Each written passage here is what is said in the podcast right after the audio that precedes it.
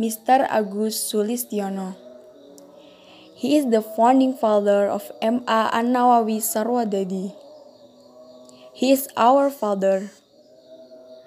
He is the motivator of our life, our inspiration. He will inspire the entire world. He is the best teacher of all time. He is a person who make us always believe in dreams.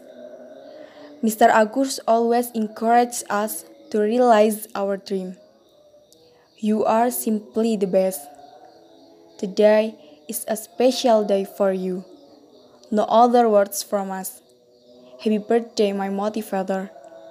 I hope you are always in healthy condition throughout time. You are simply the best. You are simply the best. You are simply the best. Thank you, Mr. Agus Sulistiono.